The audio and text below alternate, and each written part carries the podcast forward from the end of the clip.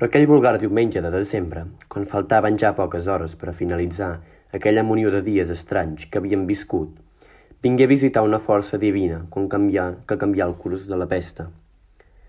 I és que després de mesos d'esperes eternes, arribà un festiu per a conquerir les venes dels més atrevits o per alertar i provocar els anticiència.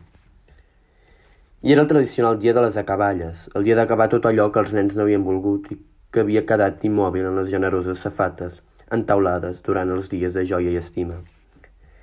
El fred arribava amb les forces ben carregades després d'uns dies de calma i pau meteorològica als barris. Un vent tèrbol i fosc l'amenaçava i s'establia com a tema de conversa d'ascensor i passadís durant les vigílies de la fi dels dies foscos. thank you